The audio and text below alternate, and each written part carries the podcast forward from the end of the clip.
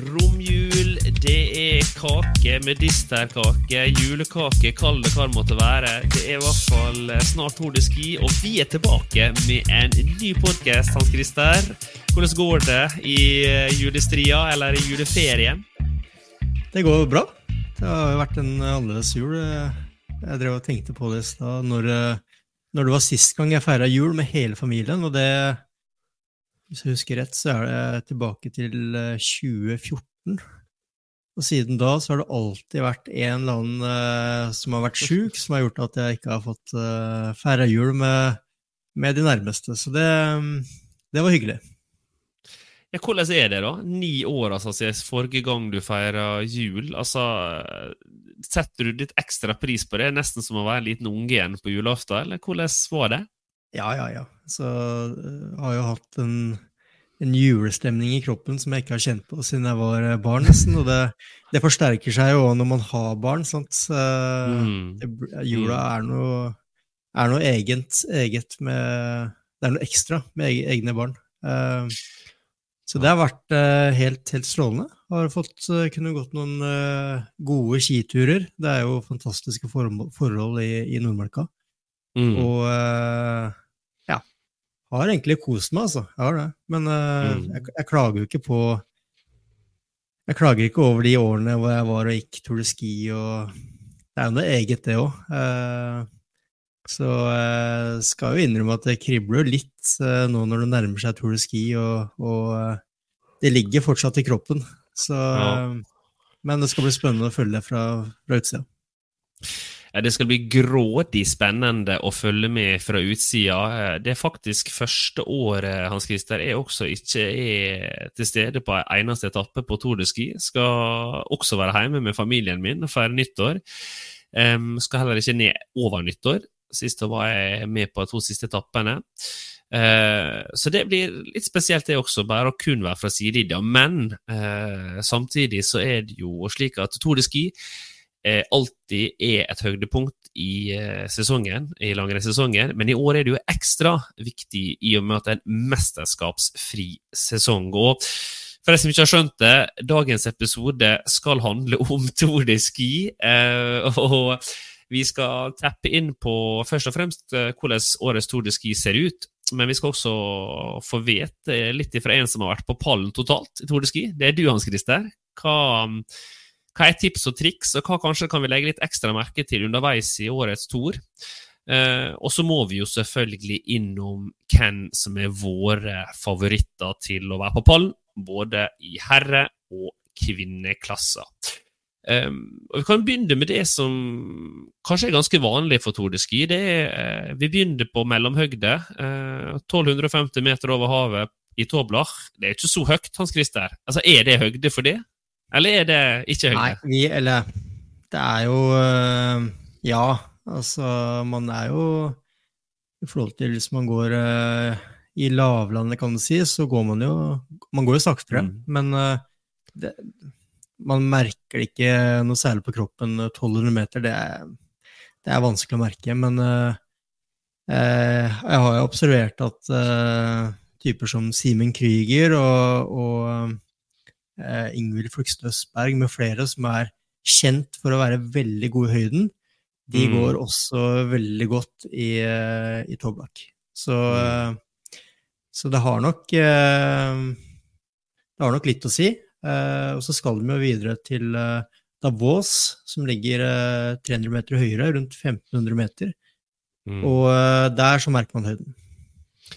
Det er det ingen tvil om. Og um, som en konsekvens av det, så har jo veldig mange av de aller beste um, idrettsutøverne innenfor langrenn valgt å tilbringe sin juleferie uh, i høgda, eller mellomhøgde. Eh, litt spredd overalt. For noen i Davos, noen i Lavazé, noen i Livigno.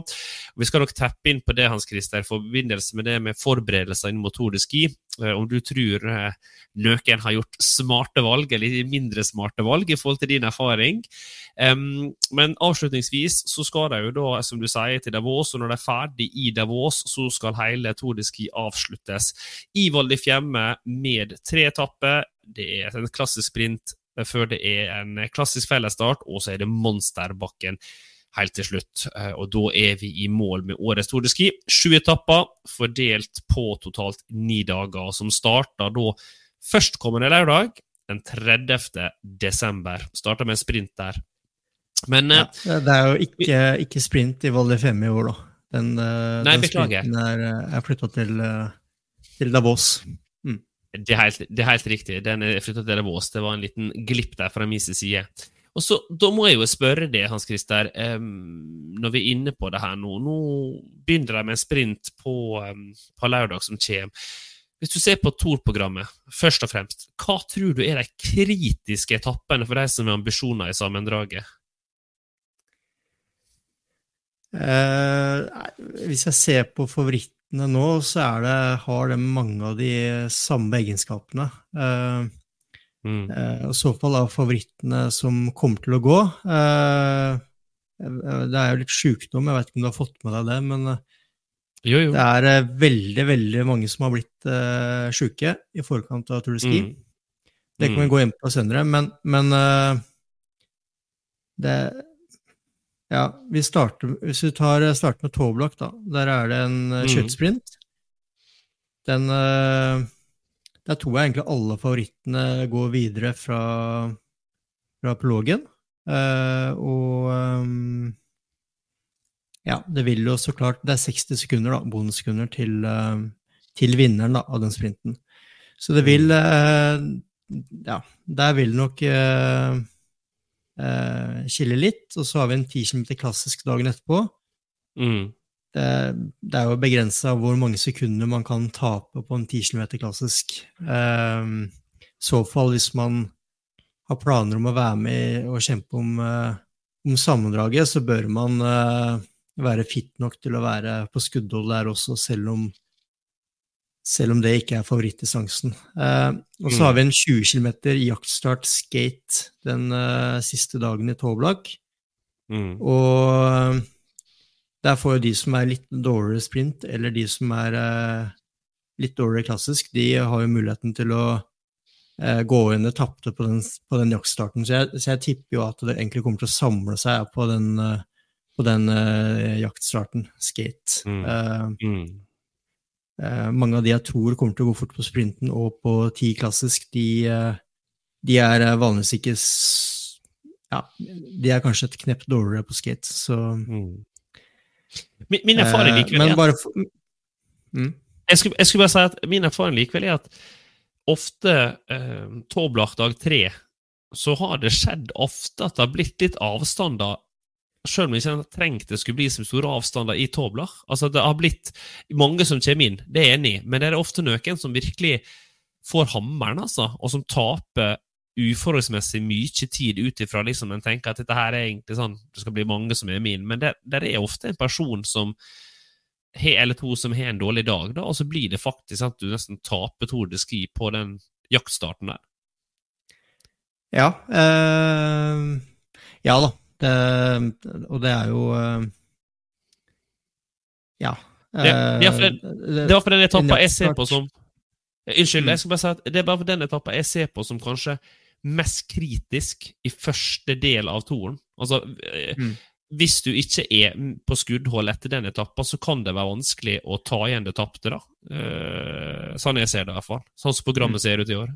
Mm. Ja da, og det er jo Det er jo uh, Ja, altså den jaktstarten, det er jo, de går også 20 km, så der er det jo mulig å få gjort litt skade, kan du si. Eller har man en dårlig dag, så, ja. så blir det 20 lange kilometer. Så, ja, det blir det. Så ja, sånn generelt sett så er det jo de to jaktstartene hvor man Ja øh, Hvor man kan øh, vinne eller tape mye. Uh, mm. Og så ser vi jo også på den uh, den 15 km klassisk i Valle Femme, den er beintøff, altså. Eh, ja, ja, ja, den går på slutten av turen, så, så der òg så er det alltid noen som uh, som uh, får det tungt helt mot slutten. Um, men, men, slik jeg ser det, så er det jo egentlig både på herre- og damesida så er det, er det mange av favorittene har mange av de samme utøverne. Nei, samme, samme eh, egenskapene. Eh, Mm. Noen er litt raskere, noen er litt mer utholdende, men eh, ja. Jan Thomas Jensen, Harald Østberg Amundsen. Begge er eh, gode i klassisk, begge er gode i skøyting, begge er ganske raske. Det er ikke lett, altså, å skille de to. Eh, Johannes er eh, et knepp raskere, eh, kanskje et knepp dårligere opp eh, Alpstemris. Eh, så det er eh, Jeg tror det kommer til å bli spennende. Ja. Jeg er helt enig. Er, og Vi skal jo inn på disse her eh, favorittene våre etter hvert. eh, Vi er sikkert ikke de samme favorittene, Hans Christer, men, men også på damesida så er det fryktelig mange utøvere som, som jeg tror faktisk til slutt kan stå eh, som seierkvinne på toppen av alt kjæremiss. Um, det har vært en sykdom. Vi skal innom det her også senere i podkasten når vi skal begynne å snakke om favorittene. Bare helt avslutningsvis, når vi prater om, um, om etappene her, hvor, hvor mye syns du personlig belastninga er i Tour de Ski med den reisinga? Altså, en begynner i Toblach, så skal du til Val di Fiemme. Uh, unnskyld, skal du til Davos, og så skal du fra Davos til Val di Fiemme. Altså, hvor, slitsomt er den biten for dere utøverne?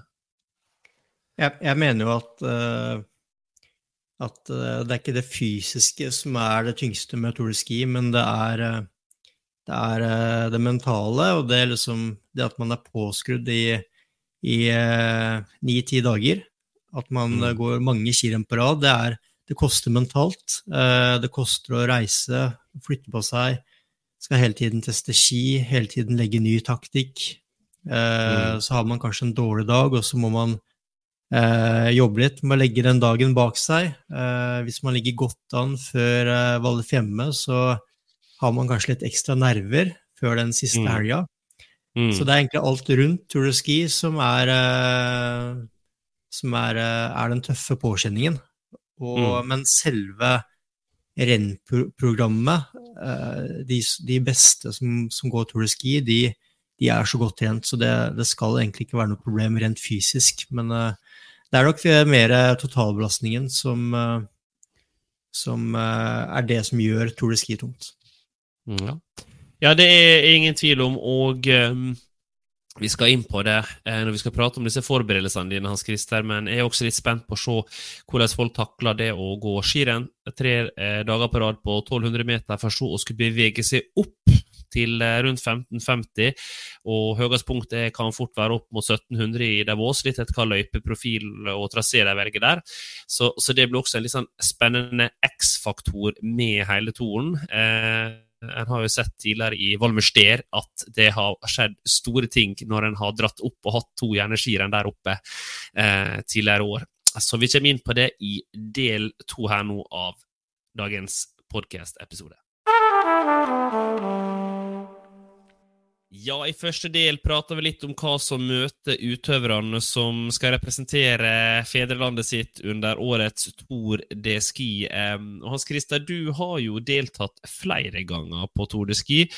Sågar som sist år så sto du faktisk til slutt på pallen i lag med Simen Hekstad Krüger og Johannes Høsflot Klæbo. Du ble tre, hvis jeg ikke husker feil, i totalen.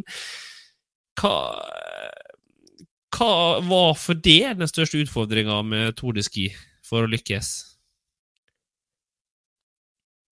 Det, ja det var, uh, Min største utfordring var at jeg var for, for treig og ikke klarte å ta alle sekunder på disse sprintene.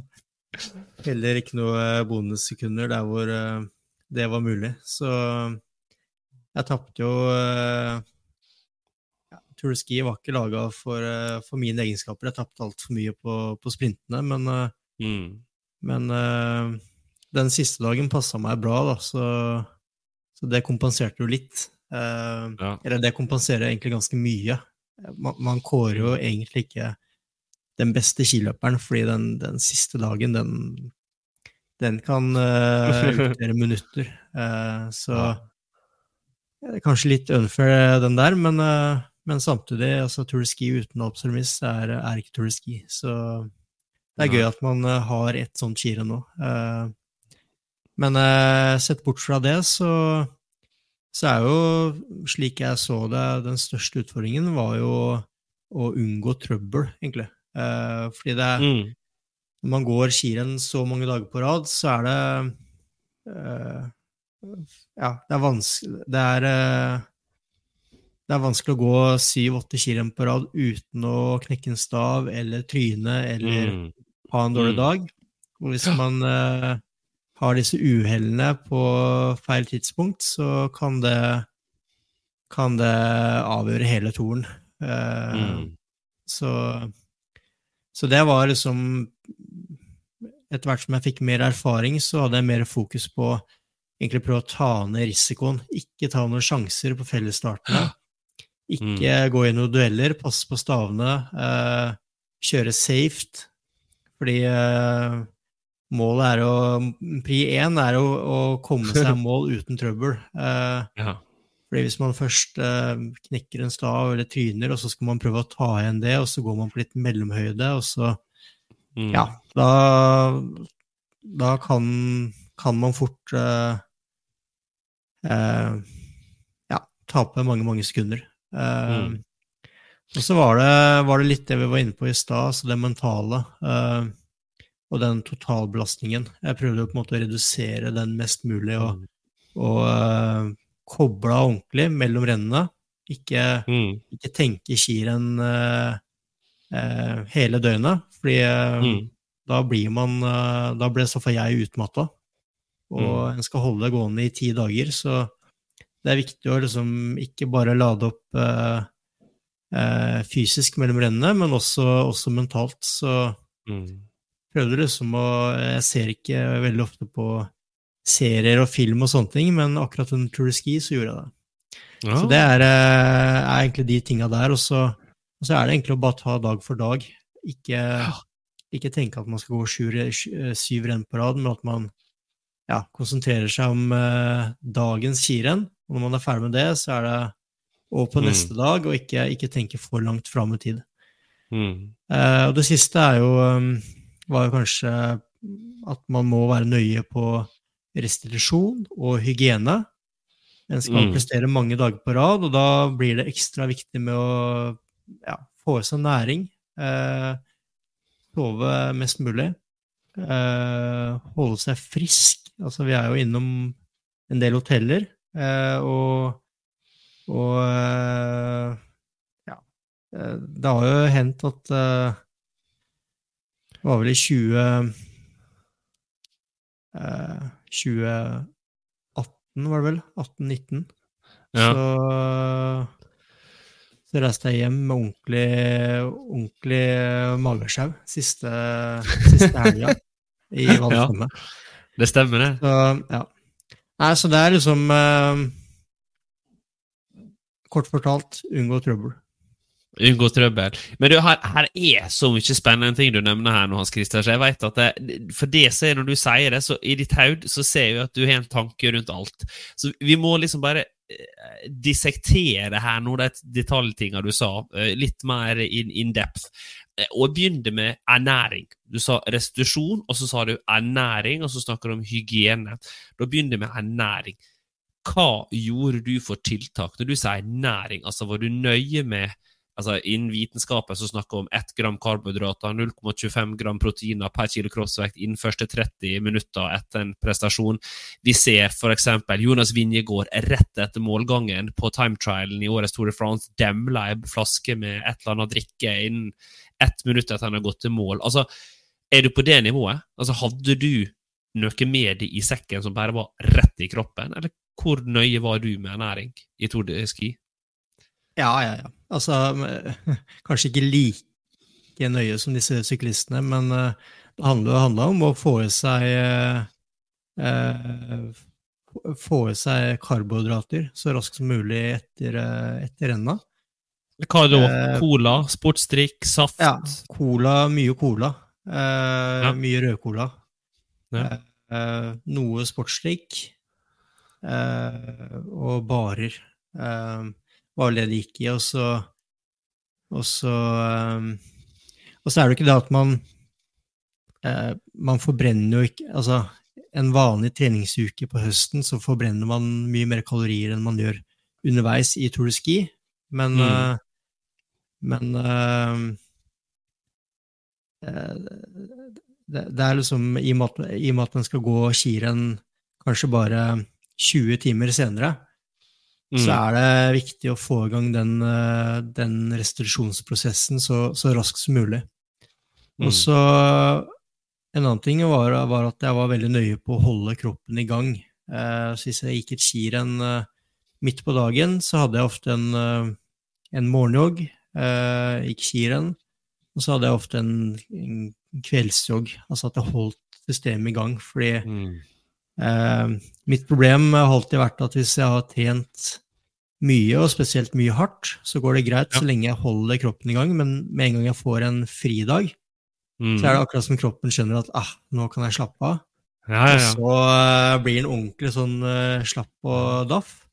Mm. Så selv på de, uh, de, fridagene så måtte jeg ha innslag av av noen drag med litt høyere puls for å egentlig bare holde, holde kroppen mm. og spenninga med muskulaturen oppe.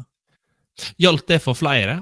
Eh, du har jo vært på lag med verdens beste skiløpere, og flere av dem har jo vunnet Tour de Ski og, og masse mesterskapsmedaljer. Gjelder dette for de fleste at de på en måte går inn i en sånn fight flight-modus, nærmest, eh, når de begynner Tour de Ski? Og for å kunne opprettholde prestasjonsnivået, så er det viktig å holde i den fight flight-moden helt til du har kommet i mål på Alp Chemis, eller gjelder det kun for det? Ja, jeg tror det gjelder for uh, veldig mange, i så fall. Uh. Jeg veit jo at Martin Jonsrud Sundby var uh, litt samme type som meg. Han, han, hadde jo intervaller på disse fridagene. Mm. Hva type intervaller? Korte drag, lange drag, terskel? Ja, ganske korte drag. Ikke for, ikke for tøffe. Jeg tror også han hadde en del hurtighet for å holde oppe spenninga i muskulaturen. Mm. jeg jeg pleide å gå på den fridagen så pleide jeg å gå en, en, eh, en rolig skitur. Eh, gå gjennom løypa på, på uh, morgenen, eller formiddagen. Vi, mm. jo, vi, er jo som regel på stadion eh, på det tidspunktet hvor, man, hvor, vi skal konkurrere dagen etterpå, så at vi får testa ski og, og løypa i, i, de, i ja, eh, tilnærma like, like, forhold. Mm. Eh, nede i Mellom-Europa så det jo, kan det jo være iskaldt på morgenen, og så, og så, kan det være ti plussgrader midt på dagen. Og, så vi har liksom uh, ja, sovet uh, lenge på morgenen, og så vært på stadion midt på dagen, og så er det ganske vanlig å ha en kveldsøkt. Uh, så på den kveldsøkta, i så fall på fridagen, så hadde jeg jo den klassiske økta mi hvor jeg hadde noen ett ettminuttere uh, flytdrag. Mm. Og sånn 3.10-3.15 fart. Uh, mm.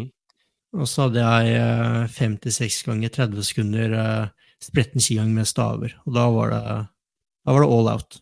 Så da var det om å finne den bratteste bakken, og så ja, ta i ordentlig. Uh, hva, hva, tror du folk som ikke liksom, har vært på Tour som ikke har vært på det nivået du har vært, når de hører nå du sitter og forklarer at for at du skulle prestere, så for du ut på kvelden dagen før neste etappe på fridagen og sprang sprettende skigang. Alt du kunne i den bratteste bakken du kunne finne. Altså, Det høres jo helt galskap ut. Du er enig i det, eller? Ja, ja, ja. Det høres jo ikke logisk ut i det hele tatt. Eh, og jeg har jo ingen, ingen egentlig god forklaring på hvorfor eh, jeg måtte gjøre det, annet enn at jeg hadde mye erfaring da, som tilsa at eh, mm. hvis jeg eh, trente rolig den dagen, så de første årene så hadde jeg ikke disse dragene, og da, da tok mm. jeg det, da tenkte jeg at nå skal jeg bruke fridagen på å virkelig restituere. Ja. Og så følte jeg meg gjerne veldig pigg på den fridagen, men uh, dagen etter uh, så var jeg ordentlig dau i kroppen. Uh, og hadde alltid en dårlig dag etter fridagen. Men to dager da, kan du si, etter fridagen, så var jeg piggen. Så jeg måtte nesten bruke et kirem på å liksom, få i gang kroppen. Komme i gang igjen? Ja, ja, ja. Jeg skjønner. Ja, det er veldig spennende, og jeg tror det her gjelder for eh, mange personer. Så alle som nå hører på den eh, kanskje episoden her før Tour de Ski, kanskje tar opp noen triks eh, fra det, Hans Christer, og din erfaring. Og så er det en annen ting du nevnte her. Det var flere ting du nevnte, men du nevnte det her med renn i mellomhøgde. Og Tour er altså, hva skal jeg si, nærmest eh, tru. Altså, jul handler jo om tradisjoner. Det handler om eh, gode tradisjoner. Og det jeg tror Tour de Ski-tradisjonen der er vi konkurrerer som regel i mellomhøgde. Eh, ski, Tour de har starta veldig mange forskjellige plasser, men vi har nesten alltid hatt deler av toren på 1500 meter eller høyere høgde. I år er ikke et unntak. Vi begynner på 1200 1250 meter i Toblach og skal opp til Davos på rundt 1550-1600. På det høyeste er vi kanskje opp mot 1700 i den løypa. Men, men, hva er det som er så spesielt med mellomhøgde? Altså, folk vet jo at når det kommer til høgde, så er det det er litt med trykk, lufttrykk og litt sånt. Vi skal ikke gå innom høgde her nå, men, men, men hva er det som gjør det til en ekstra belastning? Er det restitusjon? Er det hva er din erfaring?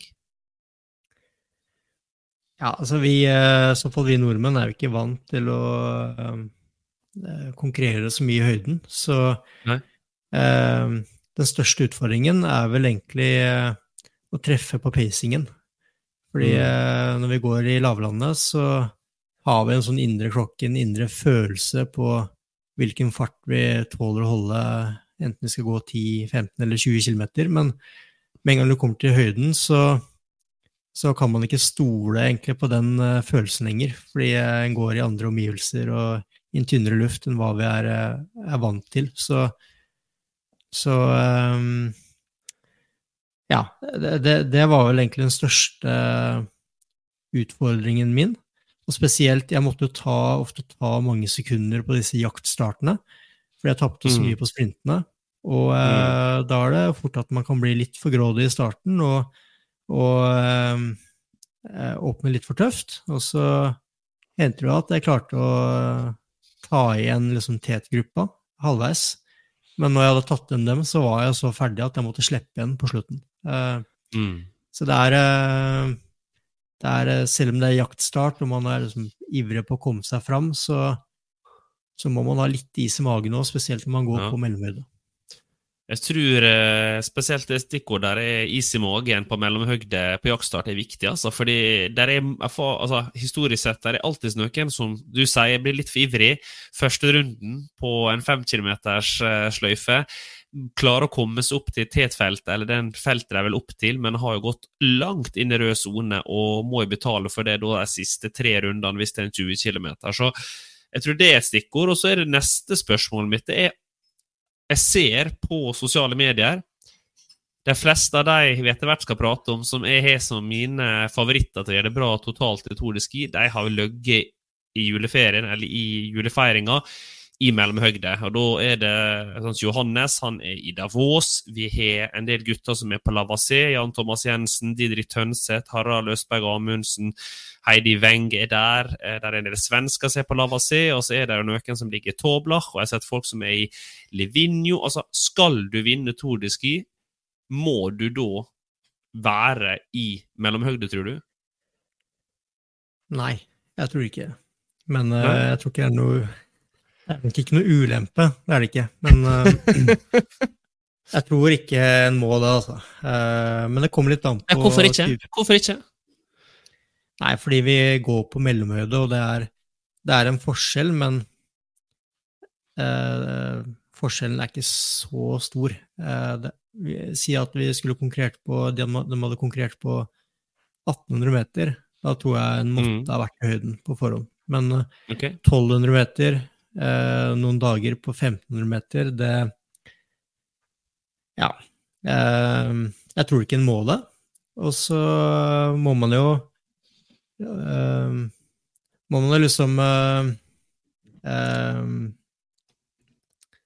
se på hva er fordelene og hva er ulempene med å ligge i høyden i jula. Mm. Så Vi kan jo ramse opp fordelene først. da. Fordelene er jo helt klart at man får akklimatisert seg. Eh, de fleste som er i høyden før Tour de Ski, de er ikke lenge nok i høyden til å få en høydeeffekt, men uh, de rekker å akklimatisere seg til, til høyden. Mm. Mm. Um, og, og, og, der stopper vel egentlig fordelene. Um, ok. Ja. Hva er fordelene med ikke å dra til høyden eller mellom høyde, mener du? som vi har vært inne på før, så er jo Tour de Ski en, egentlig en større mental uh, belastning enn en fysisk belastning. Mm. Tour de Ski er ikke som Tour de France. Tour de France er noe helt annet. Der, der holder de på i tre uker og, og uh, konkurrerer mange timer om dagen. Uh, mm. Så Tour de Ski er, er liksom et barneskirenn i, i, i, forhold. men for å, for å, nevne opp fordelen med å være hjemme, da. Eh, spesielt de siste årene så har det jo vært mye covid eh, ute og går. Spesielt i eh, mm. sent på høsten og rundt juletider. Ja. Så eh, det er ikke bare covid, det er jo influensa, og det er Ja, det, det er mye som går da, på denne tida her. Så mm. Eh, hvis, hvis, vi starter å se på risikoen, da, så er det jo en ganske høy risiko å reise ned til Mellom-Europa, bo på et hotell sammen med en haug andre turister som skal feire jula sammen. Eh, sitte tett inne i en spisesal og, ja. og, og spise med med ja eh, Gud og hvermann? Gud hvermann som ikke bryr seg en døyt om de er litt tett i nesa eller har litt vondt i halsen. Nei, nei, nei, nei, nei, Så, eh, så, det er nok den største ulempen. Um, mm. jeg, jeg og, eh, og, det ser vi spesielt i år, det, det, skal vi gå inn på når vi skal snakke om utøvere senere i poden, men, men uh, halve feltet er jo blitt sjuke i jula. Uh, mm. Så da kan man egentlig stille seg spørsmålet var det verdt det for, mange, for mange av de som uh, har blitt syke. Og så er det jo den siste ulempen er jo um, I så fall for meg så var det uh, Ja, vi, vi, konkurrerer jo hver helg fra Beitostølen mm. uh, fram til uh, et par uker før jul. Mm. Um, så den, den forsesongen er Eller første delen av sesongen er ganske tøff. Mm. Og så skal man da reise rett ned til høyden og være der, borte fra familie og venner. Og så, eh, og så gå tur de Ski, som vi mm. vet er en mental belastning. Mm. Så, jeg, så, jeg, tror liksom det å kanskje være hjemme, senke skuldra litt, eh, være litt med familie hvis de er friske, eh, og liksom eh, ja, få kobla litt, da. Jeg tror den mm. effekten er under, undervurdert. Så, at, eh, så, for min del så var det litt sånn at jeg, jeg valgte heller å være hjemme de siste årene for å, mm. unngå, for å redusere risikoen for å bli sjuk, men også for å eh, lade opp eh, batteriene på, på hytta på Sjusjøen. Eh, ja. ja. Jeg må jo komme med et innspill. Jeg, tr jeg tror jo Og jeg, jeg har jo ikke noe grunnlag for å kunne vite dette her. Jeg tror det optimale er å akklimatisere seg på den høgda en skal konkurrere.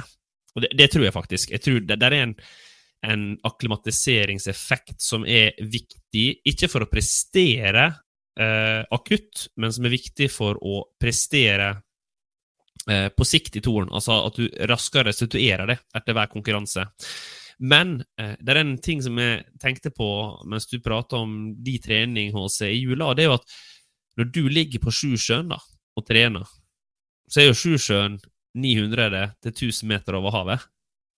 Så du ligger jo egentlig og akklimatiserer deg til Toblach-høgde hvis du ligger der i hele jula. og så Hvis du da flyger ned, så kanskje ja, du har 16 timer, da. 12-16 eh, timer der du er nede fra 1000 meter, og så er du oppe i Toblach. Så du har jo egentlig fått en akklimatisering ved å ligge på Sjusjøen, eller om det er på Beitostølen. Så eh, det er jo indirekte det du gjorde.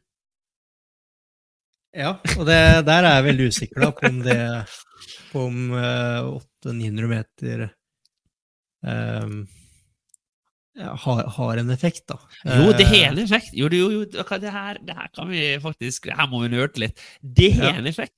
Det er vist i vitenskapelige studier at VO2-maksen din er faktisk redusert med 2-3% og maksimal hjertefrekvens det samme ved å bli eksponert til 900 eh, meter over havet. Altså Hvis du tester VO2-maks på ulike høyder, så vil du faktisk ha en betydelig reduksjon i prestasjon VO2 max og maksimal hjertefrekvens hvis du blir eksponert til 900 meter over havet. Så du er faktisk litt dårligere hvis du skal springe en 3000 meter på Beitostølen eller Sjusjøen, hvis det var en friidrettsbane, enn du er hvis du springer det på Sognsvann.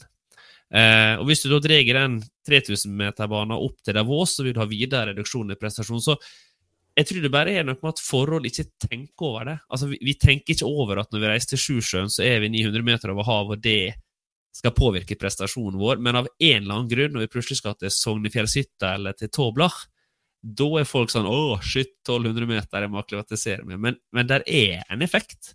Um, så jeg tror du ubevisst da har akklimatisert uten at du har tenkt over det. ja, ja, ja.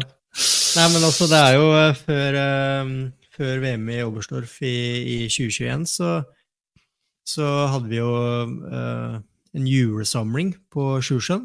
Fordi ja. det året så valgte vi å ikke gå Norge valgte å ikke gå Tour de Ski. Så da la vi inn en ekstra samling i jula. Og så mm. var jeg vel egentlig på Sjusjøen nesten hele den vinteren før før VM i Oberstdorf. Uh, vi hadde mm. også pre-camp på Sjusjøen, så Og uh, ja, Oberstdorf var jo et uh, veldig godt mesterskap for, for, min, for, min, del, så det kan Jeg tenkte jo ikke på det da, men det kan jo at det hadde en liten effekt. Jeg tror det har en liten effekt, og så kan det være placeboeffekten vi er inne på her. Men helt til slutt, Hans Christer, av dine erfaringer i, i Tour de Ski, Um, du prata litt om hygiene. Uh, var du en type som var vel bevisst på det med vasking av hendene, antibac? Hadde du med egen pute? Uh, vi hørte Ole Einar Bjørdalen som på og hadde plast på gulvene på ulike hotell som hadde vegg-til-vegg-teppe. Altså, hvor ekstrem var du i dine tiltak for å holde deg frisk? Svært lite ekstrem, egentlig. uh, så um Nei, men altså, jeg har en, har en, teori om at hvis man er for hygienisk eh, eh, gjennom et helt år, så, så, får man et dårlig immunforsvar. Eh, mm. Kroppen trenger å eksponeres for litt eh, basillusker og litt, eh, litt, møkk, og ja, jeg tror det egentlig bare er sunt. Eh, så Altså, for min del, gjennom et år så var jeg ikke så veldig nøye på det. Altså, så klart vanlig hygiene. Eh, en dusje hver dag, og en vaske hendene etter hvert på do og sånne ting, men, men ikke noe mer eh, ekstremt enn en det. Eh, mm. Så, men, men, ganske sånn laidback på det på våren og sommeren. Eh, hadde egentlig litt lyst til å bli litt sjuk på våren og sommeren, fordi ja. Erfaringsmessig så pleide jeg å bli forkjøla én til to ganger i løpet av et år. Og hvis jeg ble det på, på våren og hadde én runde på våren og én runde på, på sensommeren, så holdt mm. jeg meg stort sett frisk gjennom vinteren. Men hvis jeg, hvis jeg holdt meg frisk hele våren og sommeren og høsten, så visste jeg at det kom en, uh, en, kule gjennom vinteren. Så, ja. så, men, men, når sesongen starta, så, så stramma jeg den uh, Så stramma jeg litt inn på, på de rutinene og var var ganske nøye. Ehm, jeg tror det viktigste er bare å, å eh, ja, eh, holde seg unna sjuke folk. Og det En, en eh, bygger jo opp en, på en måte en radar etter å ha vært toppidrettsutøver. Altså, man hører hver eneste lille snufs eller host ja, i nærheten. Ja, ja, så det er en sånn derre Ja, det er en sånn radar som er på hele tida. Eh, så, så, den var eh, Ja, der var jeg nok eh, ganske fanatisk i sesong. Mm. Men ja, jeg, jeg, tror jo også at hvis man går rundt og bekymrer seg for å bli sjuk, så er min erfaring at da, da blir jeg sjuk. Mm. Så det er litt sånn ja. Men men, men i, en, i, forlengelse av alt det vi har pratet om her nå, i forhold til det å skulle prestere eh, på Tour de Ski Altså, Jeg ser jo Tour de Ski og generelt Tora Det handler egentlig bare om en veldig enkel ting. Det handler om å ha minst mulig fall i prestasjon. Altså, Du må jo selvfølgelig prestere, eh, men, men den som klarer å ha minst mulig fall i prestasjon, han eller hun, kommer til å være den beste versjonen av seg sjøl de siste etappene. Og som regel Du vinner ikke kanskje Tour de Ski Val di Fiemme, men du kan i hvert fall banne deg på at du kan tape det Val di Fiemme på klassisken først, og så har du den Alp Termis. Altså, når du var på pallen sist år, det var nok ikke mange som på en måte hadde tenkt at du skulle være på pallen før siste etappe. Altså, lada du egentlig opp bare til den siste etappa at det var all in på den? Altså klassiske etapper først, selvfølgelig, og få en best mulig resultat der, men hadde du på en måte egentlig bare tenkt at målet er å unngå problemer, som du sa, unngå å bli sjuk, få i meg næring, og så når jeg kommer til Valdres hjemme, da da må jeg prestere. To dager på rad, eller tre dager på rad, alt ettersom. Ja. Eh, talene, jeg tenkte egentlig at jeg skulle eh, gå litt safe. Eh, ta ned risikoen mest mulig eh, fram til den siste dagen oppe Alps, Alpsomris. Eh, Mm. eh, men når jeg kom til siste dagen, så så, eh, så måtte jeg gamble litt, da. Jeg måtte uh, tørre å ta i litt uh, fra bunnen av bakken, hvis jeg skulle klare å ta igjen uh, det, det forspranget opp til, opp til pallen. Mm. så, men, men det er som du sier, altså Min beste Tour de Ski var, var i fjor, og jeg tror det ble min beste Tour de Ski fordi jeg var, var i veldig god form den, den siste dagen, men, men uh, også fordi at jeg ikke hadde en eneste dårlig dag, eller jeg gjorde ikke noe feil underveis. Mm. Uh, ikke noe stabrekk, ikke noe fall. Uh, hadde ingen dårlig dag. Ingen kirenn hvor jeg disponerte feil og sprakk. Uh, Mm. Alt var liksom på det jevne, og så hadde jeg en knalldag den, den siste dagen. Mm. og det er det jeg tror det ski handler om. Hvis man har én dårlig dag, så kan man fort tape et minutt, og da, da, er, det- da er det kjørt. Ofte. Da er det snipp, snapp, snut. Tour de Ski er ute, og det er egentlig en veldig fin overgang til å prate om hvem vi har som våre store favoritter for årets Tour de Ski. Ja, eh, en del av det å skulle eventuelt prestere under Tour de Ski er jo det å holde seg frisk og komme seg til start. eh, Og nå i den siste delen av dagens episode så skal vi prate litt om hva vi tror på, Hans Christer. Men eh, der er jo noen som har fått litt sykdom her nå i eh, førjulstida og i romjulstida, virker det som. Ja, det er, eh, det er jo ganske mange. Um, vi kan jo starte med utlendingene. Ja. Eh, Rikard Schov er, eh, går ikke. En av de beste sprinterne. Mm. Eh, Mika Fermulen eh, er blitt sjuk. Han eh, håper på å gå, men eh, hvis han har fått covid eller vært forkjøla så tett innpå Tour de Ski, så er jo det er, no, er nok ikke han i sin, i sin eh, beste form. Nei, Det er litt synd, da, fordi eh, han er jo en av de få utlendingene på herresida som kan utfordre eh, nordmennene. Eh, og så har, vet vi at Kalle Halvorsson har vært sjuk. Han skal gå, Mm. men eh, ja, Kalle på sitt beste kan være med og matche de beste nordmennene, men hvis han har vært sjuk i forkant, så tror jeg nok at han eh, han, eh, han kommer til å slite, eh, Mm. dessverre. Mm. Og så eh, fortsetter i Sverige. altså William Porma har jo hatt covid. Han har jo hatt ryggtrøbbel, så det blir spennende å se om Mm. han har eh, funnet tilbake igjen til godformen. Han har jo trent veldig bra i sommer og høst, og så fikk han jo en, en eh, marerittstart på, på sesongen. Eh, og så, eh, ja Hvis vi da går over på de norske, så Mm.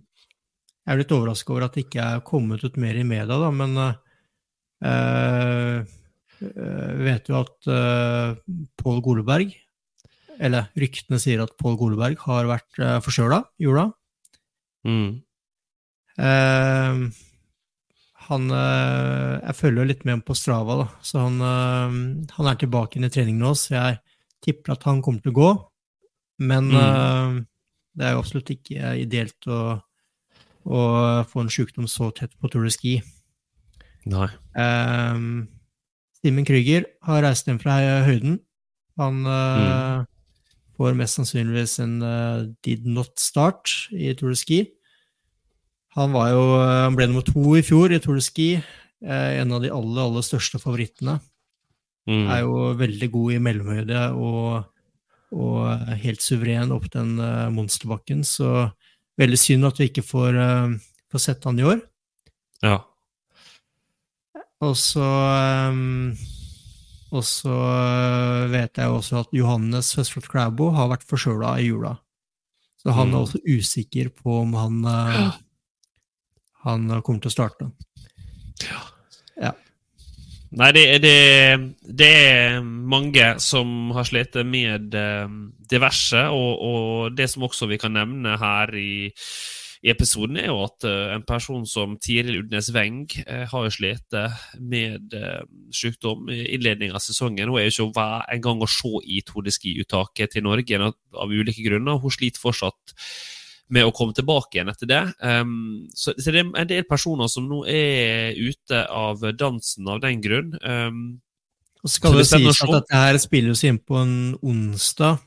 Ja. Det har jo ikke vært skrevet noen ting i media om disse nordmenn, eh, disse norske i så fall, som har vært sjuke. Så det er jo litt sånn eh, rykter og litt sånn hva jeg har hørt. Men, eh, men så skal vi også nevne Ebba Andersen, da, som, som også har vært sjuk i jula, men som Mm. skal gå.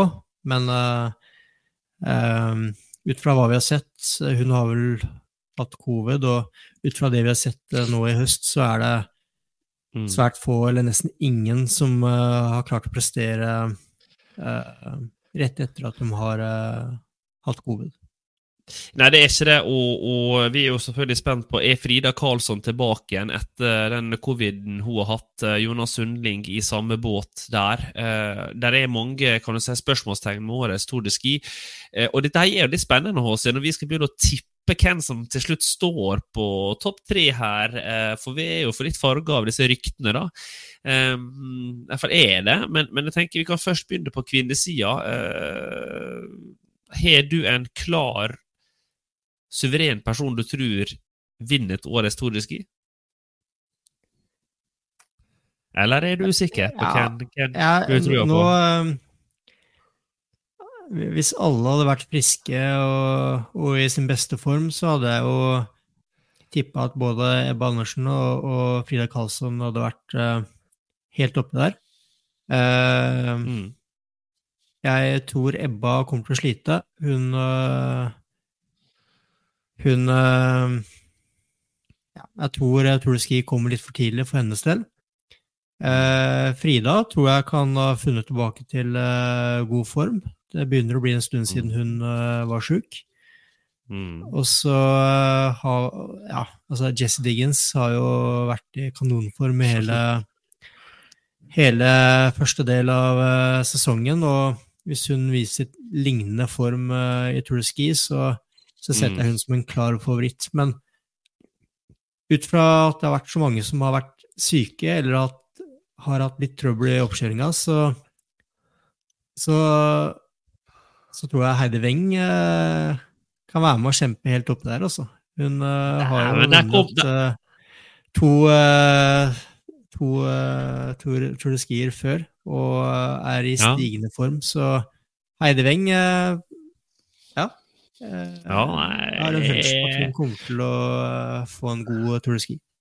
Ja, jeg, jeg er ikke uenig i den um, analysen der. Jeg tror det som blir avgjørende her nå, er sprintene for Heidi sin del. Eh, og der er det en annen jente som jeg tror er litt hvassere, som heter Jesse Diggins. Um, så jeg har, nok Jesse som én eh, på lista mi. Du sier Heidi. Eh, så er det jo spennende å se. Sist år var jo også Jesse i forrykende form før Tour de Ski, eh, og gjorde veldig dårlig under eh, siste års Tour de Ski, så det kan jo selvfølgelig skje igjen i år. Og jeg er, jeg er enig med det. Jeg har- er spent på å se Frida Karlsson, men jeg har Heidi som nummer to i totalen. Eh, jeg tror hun kan til og med gå av gårde med seieren. Og så tar jeg en liten frekken, eh, og jeg, jeg tror faktisk at eh, Victoria Carl blir tre totalt i årets eh, Tour de Ski. Jeg hadde lyst til å si Rosie Brennan, men, men jeg faktisk tar Victoria Carl. Um, det er mine topp tre, altså. Frida uh, er ikke med. Uh, men, men, men, vi får se. Uh, om hun har funnet formen igjen, så er hun selvfølgelig en klar kandidat til å kunne vinne. Men topp tre er Jesse, Heidi og Victoria for min del, altså. Mm. Jeg håper jo Jeg òg heier på Victoria. Altså, det hadde vært ja, veldig, veldig gøy om vi hadde fått en, uh, en fra Tyskland på, på pallen. Uh, men uh, tysk Altså, en, et annet aspekt ved å få en god Tour de Ski er jo å ha, ha gode ski. Ja. Og det kommer til å bli mye forskjellige fører. dette er mm, første året hvor det er mm. fluorfritt. Tyskland har en dårlig smørbuss. De har de har ofte veldig gode ski, men så har de også ofte veldig dårlige ski. Mm. Så jeg, jeg, setter bare et lite eh, spørsmålstegn bak om uh, den smørebussen til Tyskland, og om, om uh, ja, Victoria får gode nok ski til å være med og kjempe helt opp der gjennom en hel tur. Mm. Og Nå har vi jo nevnt mange forskjellige utøvere her på kvinnesida fra forskjellige nasjoner. Nå dreier vi oss over på guttesida, Hans Christer, og, og jeg begynner med et innledende spørsmål. Er det noen utlendinger som er gode nok til å kunne utfordre at det ikke blir trippelt norsk? Nei. jeg elsker når du er så kort og konsis. Ja. Men, men, men hvis, hvis, jeg prøver å legge godviljen til, da La oss prøve å legge godviljen til her nå. Altså, kan, kan du nevne tre stykker som ikke er norske, som kan være i nærheten av å være topp tre. Jeg kan, jeg kan gå på tre, tror jeg. Men én ja, er jo altså, det, det, er flere som har Ja. Um, ja. Uh, en, en, glemmer jo Musgrave litt, da, fordi han, uh, han, er jo så å si blitt norsk. Så Men Ja, jeg, jeg, jeg tror Ivo? Ja, altså, for å, for å si det sånn, hadde, hadde Hadde Ivo Niskanen vært i sin beste form, ja, han kunne vært med og kjempa om en pallplass. Hadde eh, Kalle Halvorsson vært i sin beste form, så har han også eh, et toppnivå som eh, tilsier at han kan ta en, en pallplass i Tour de Ski. Det samme er det med William Poroma. Eh, mer enn god nok til å være på pallen i mm. Tour de Ski, men med den formen mm. han har vist uh, hittil i år, så tror jeg ikke han er god nok. Um, ja, så uh, Men uh, Andrew Musgrave, hvis vi fortsatt kaller han er britisk. Britisk, eller Ja, ja, ja. ja. Så, er britisk godt. Ja, så, så, så, tror jeg han kan ha en sjanse, men Ja. Men uh, jeg, jeg, jeg, må, jeg, må, nok dessverre si også at jeg syns det er Dessverre, eh, for internasjonal langrenn, få personer en kan nevne. Du er egentlig innom alle. Niskan, Kalle, William, Musgrave. Så er det jo Moch også fra Tyskland, som ikke har vist så god form enda i år. som Eh, som har en stor motor, og jeg tror hvis alt hadde klaffa, kunne faktisk vært med. Eh, men bak disse personene jeg nevner her, så er det ingen som i hvert fall jeg ser som utkrystalliserer seg til å kunne være så gode over en total tour. og Av den grunn så blir jo topp tre også eh, eh, norske. Eh, skulle si dessverre, for jeg syns jo det er litt kjedelig at det bare er nordmenn som er med der. Jeg skulle gjerne hatt mange nasjoner mange personer som kunne kjempe om seieren, men det er jo spennende blant de norske. da, og nå Ryktebørsen har vi jo nevnt noen personer her som ikke kanskje har hatt helt optimal oppladning, og da er spørsmålet hvem vinner årets Tour de Ski av herrene, Hans Christer? Hvis eh, nå, nå, vet ikke jeg hvor syk Johannes har vært, og om han eh, stilte snart, men Johannes eh, i vanlig form er nok uh, fortsatt den uh, største favoritten. Men jeg tror mm. Jeg tror selv om han ikke hadde vært sjuk, så tror jeg at han eh, hadde Kommer til å få større, større matching i eh, årets Tour de Ski enn i så fall hva han fikk i fjor. Eh, Mm. og, og da tenker jeg jo først og fremst på Harald Østberg Amundsen.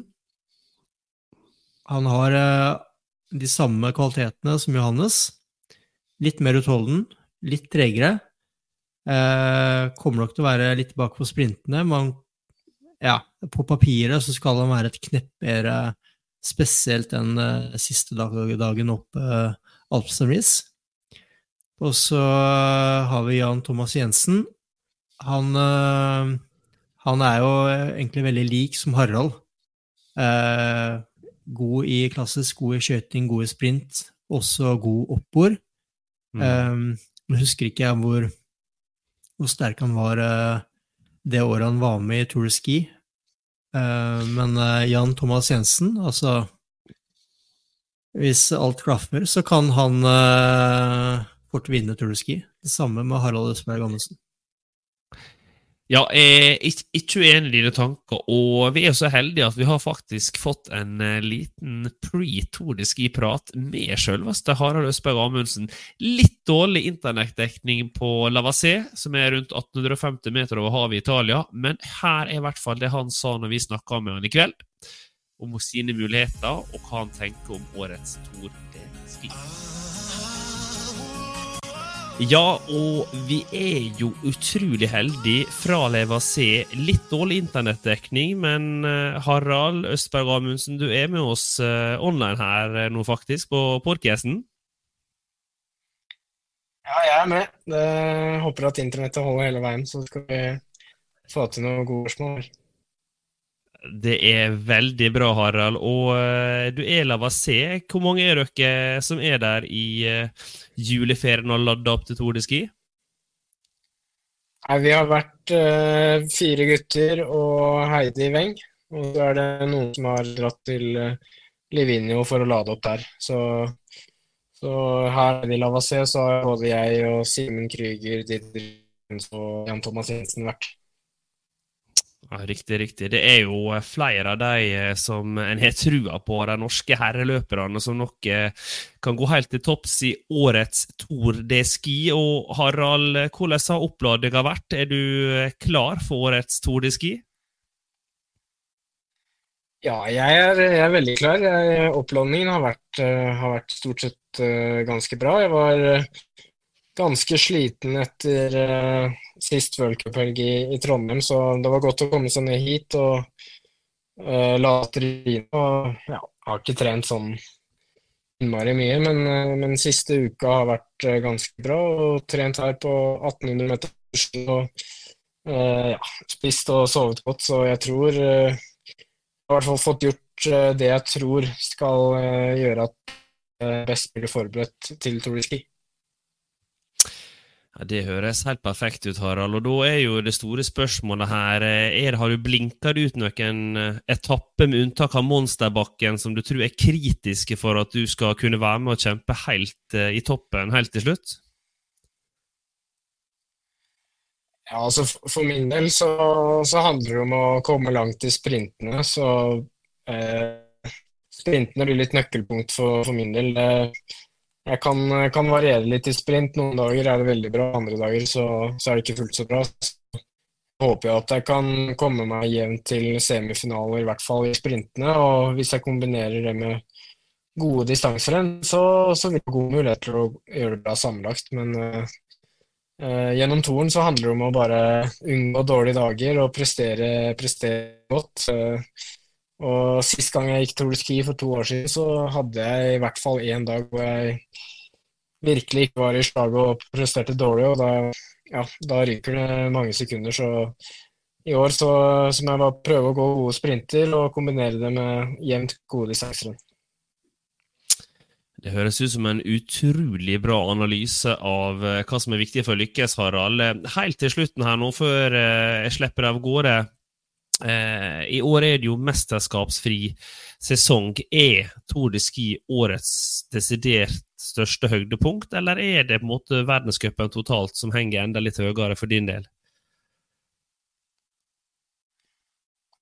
For meg så, så, har jeg egentlig ikke tenkt så mye på verdenscupen totalt. Eh, før sesongen så, så, har det alltid vært eh, Tour de Ski som har vært i bakhodet. Så går inn i en, eh, en periode nå med ja, store forhåpninger, og jeg har, satt meg, jeg har tenkt på Tour de Ski veldig mange av streamer, så eh, det er definitivt et av de største målene denne sesongen her. Ja. Det forstår jeg veldig godt. Harald, du må ha lykke lykke til i årets Tour de Ski. Du må hilse til Jan Thomas Jensen, Simen Hekstad Krüger, Didrik Tønseth og Heidi Weng, som er på Lavassé hos deg. Eh, alle sammen er jo eh, kandidater til å gjøre det helt ekstremt bra i Torn totalt i årets sesong. Ja, det var jo spennende snakk, Hans Christer. Han er veldig klar for eh, årets Tour de Ski.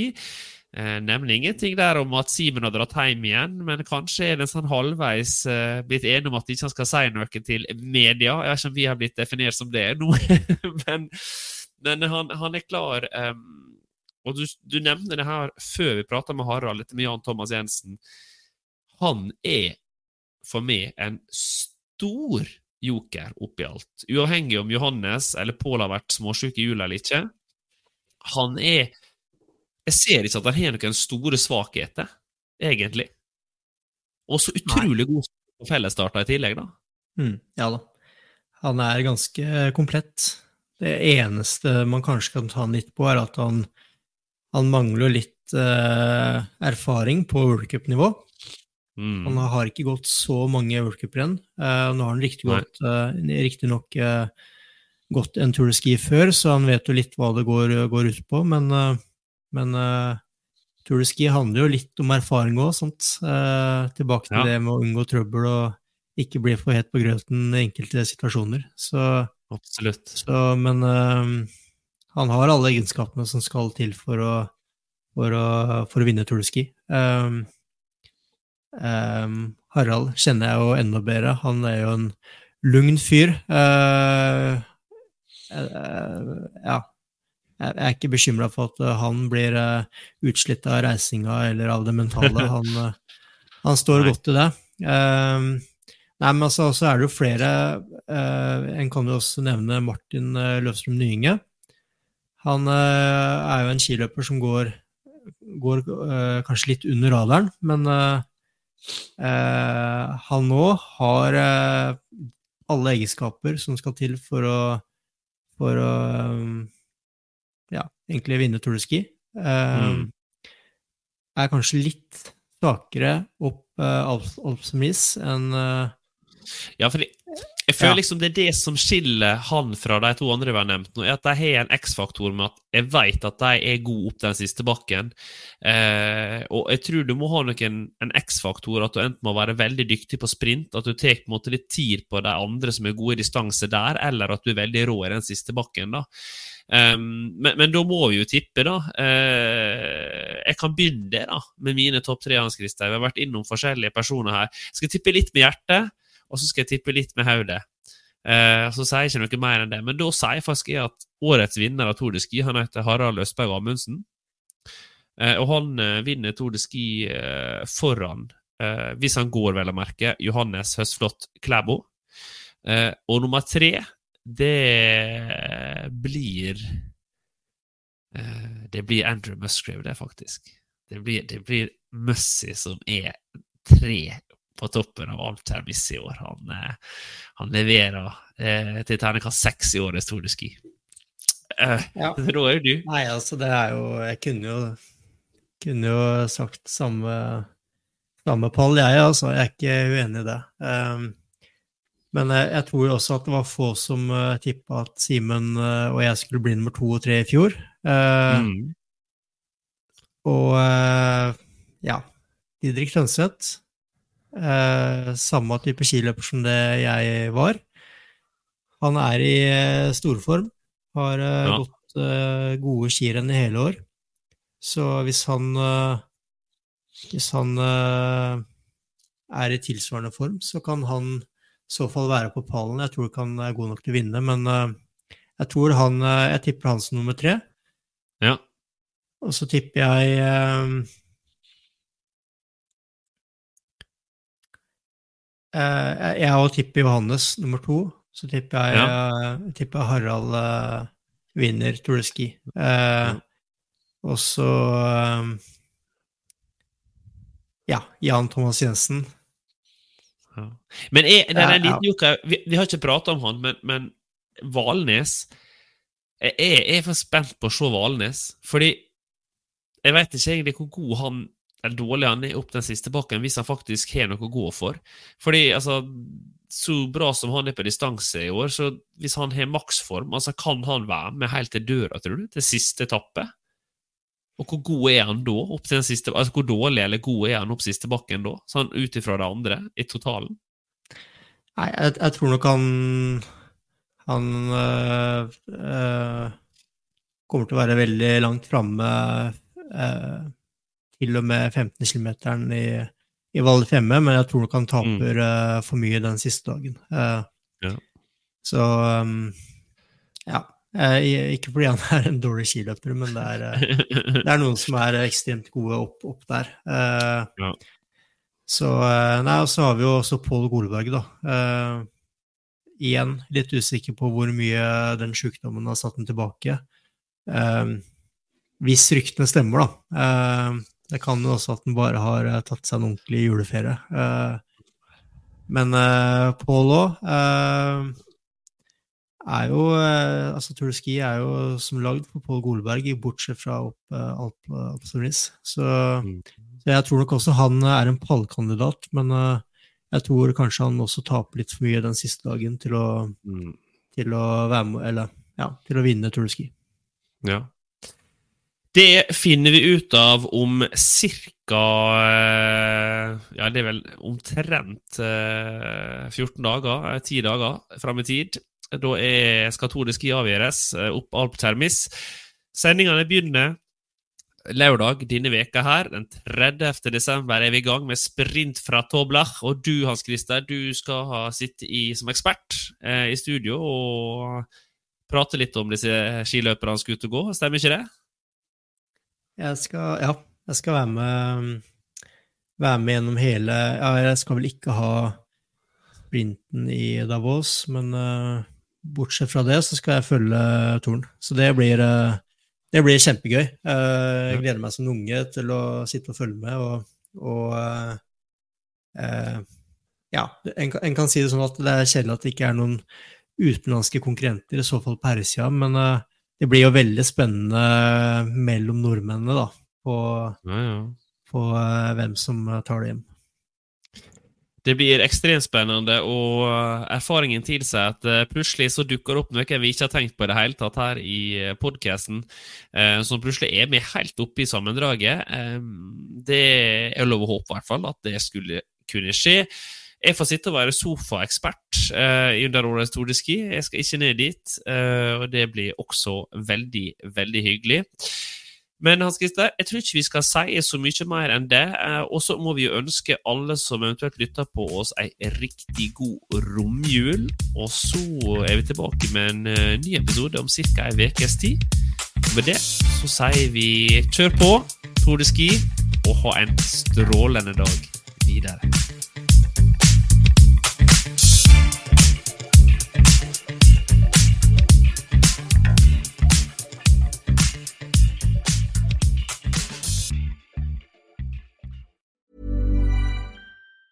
Get ahead of postage rate increases this year with Stamps.com. It's like your own personal post office. Sign up with promo code PROGRAM for a four week trial plus free postage and a free digital scale. No long term commitments or contracts. That's Stamps.com code PROGRAM.